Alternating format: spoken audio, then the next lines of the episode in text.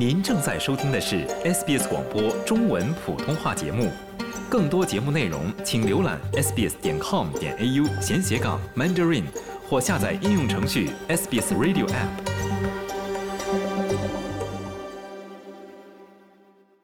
如果你在街边看到一群人聚在一起聊天、喝茶、吃蛋糕，这一定并不稀奇。但最近在悉尼新镇举行的一次聚会，却有另一个非常特殊的目的：讨论死亡和临终。在一个繁忙的市中心，十个陌生人参加了这次的死亡咖啡馆活动。活动的倡导者哈利戴解释说。死亡咖啡馆将帮我们打开话匣子。它没有规定的话题，它可能朝着意想不到的方向发展，这可能会很有意思。死亡咖啡馆里总是充满了真诚。在死亡咖啡馆里，每个人都会分享从失去至亲到自己从濒死体验中挣扎出来的故事。七十六岁的活动参与者尼娜·安杰洛表示，自己曾两度面临死亡。在从扩散到盆骨和脊椎的淋巴癌中幸存了下来。二零一九年，我被诊断出了患有第四期淋巴癌。我的表弟是核医学副教授，他给我打电话说：“妮娜，你必须进行化疗，你的情况非常糟糕，你真的要进行化疗了。”在六轮化疗后，安杰洛失去了往日的活力，一头红发也变得枯黄。他说。家人和朋友的爱与支持至关重要。我躺在那里，感觉自己非常的虚弱。我的家人，我的儿子和女儿，他们都在我的身边照顾我。亲朋好友也都从各地赶来了。二零二零年一月一日，我病得很重。我的朋友来接我，把我带到了我家前面的小湖边，那里是我的快乐净土。我拄着拐杖，他扶着我走上前去。那里站了大约有二十五位我的女性朋友，她们都穿着亮丽的衣服。那里也被精心打扮了一番，挂着装饰品，铺着地毯，还专门为我准备了座位。他们为我举行了盛大的庆祝活动，场面非常震撼。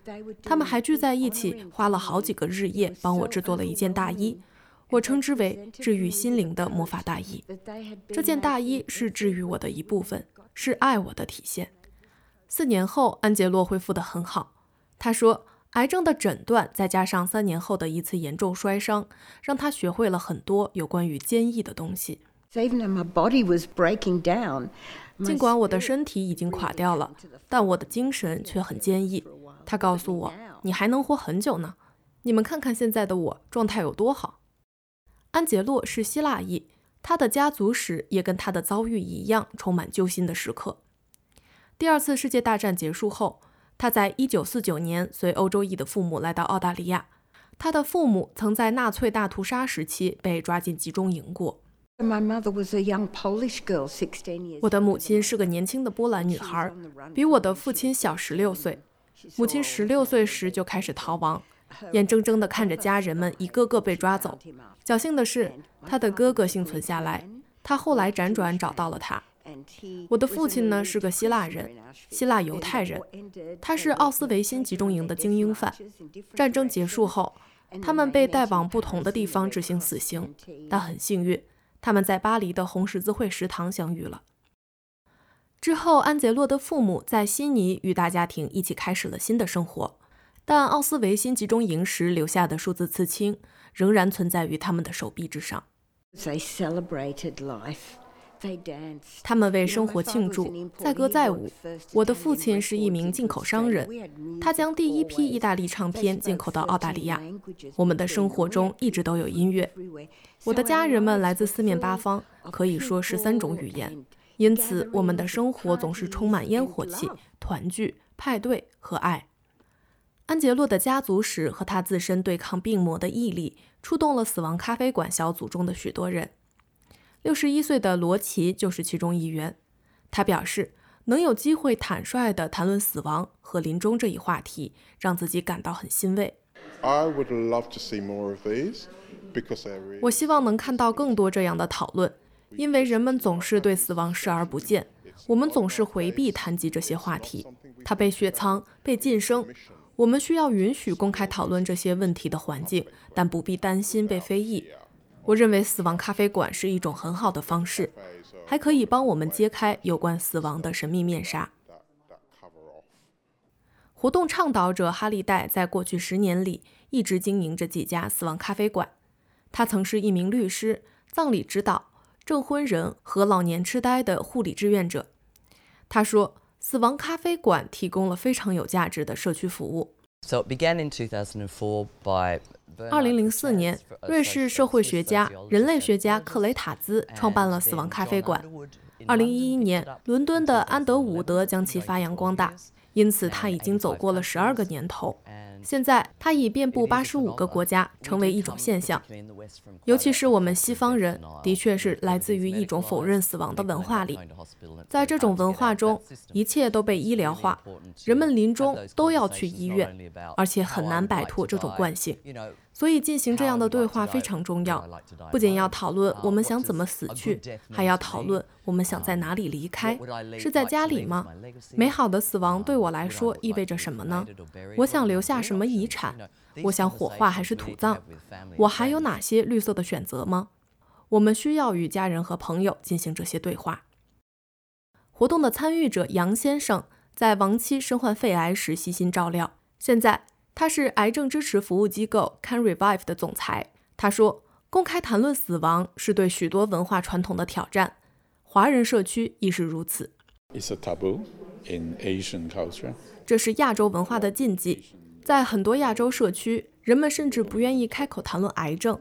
他们不谈论不想去医院，由于文化禁忌和文化差异，有些人甚至不愿意接受治疗。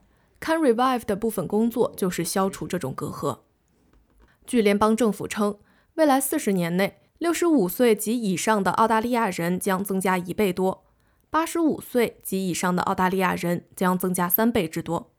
新南威尔士州姑息治疗组织首席执行官布雷兹说。Palliative care has a real focus on the living. 尽管人们的寿命越来越长，但很少有人会讨论他们的临终计划。姑息治疗真正服务的是生活质量，但要在生命的最后阶段过得好，意味着你需要思考对自己而言什么是好好走完一生、迎来生命终结的方式。而这是死亡咖啡馆和类似论坛变得如此重要的原因，因为他们有这样的设施和环境，可以围绕死亡和临终话题展开公开对话。这对人们来说非常有用，也非常有力量。通常情况下，只有当你被诊断出有生命危险时，才会进行有关死亡的第一次对话。这时，你不得不考虑自己的离开，而这已经是你生命中压力极大的时刻了。因此，我们要鼓励人们在此之前就开始考虑这个问题。安杰洛对此表示赞成，并希望能尽快与他现年五十岁的双胞胎孩子。讨论自己死亡的话题。我的孩子们不知道为什么就是不愿意和我一起去面对这件事。我不想让事情不了了之，我不想丢下这件事不管，我不想让他们担心、害怕、打架或做出任何出格的事儿。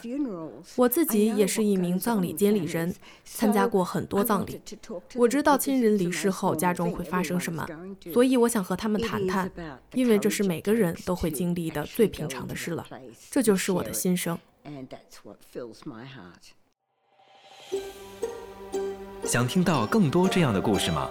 您可以通过苹果播客、谷歌播客、Spotify 或者您喜爱的方式下载收听。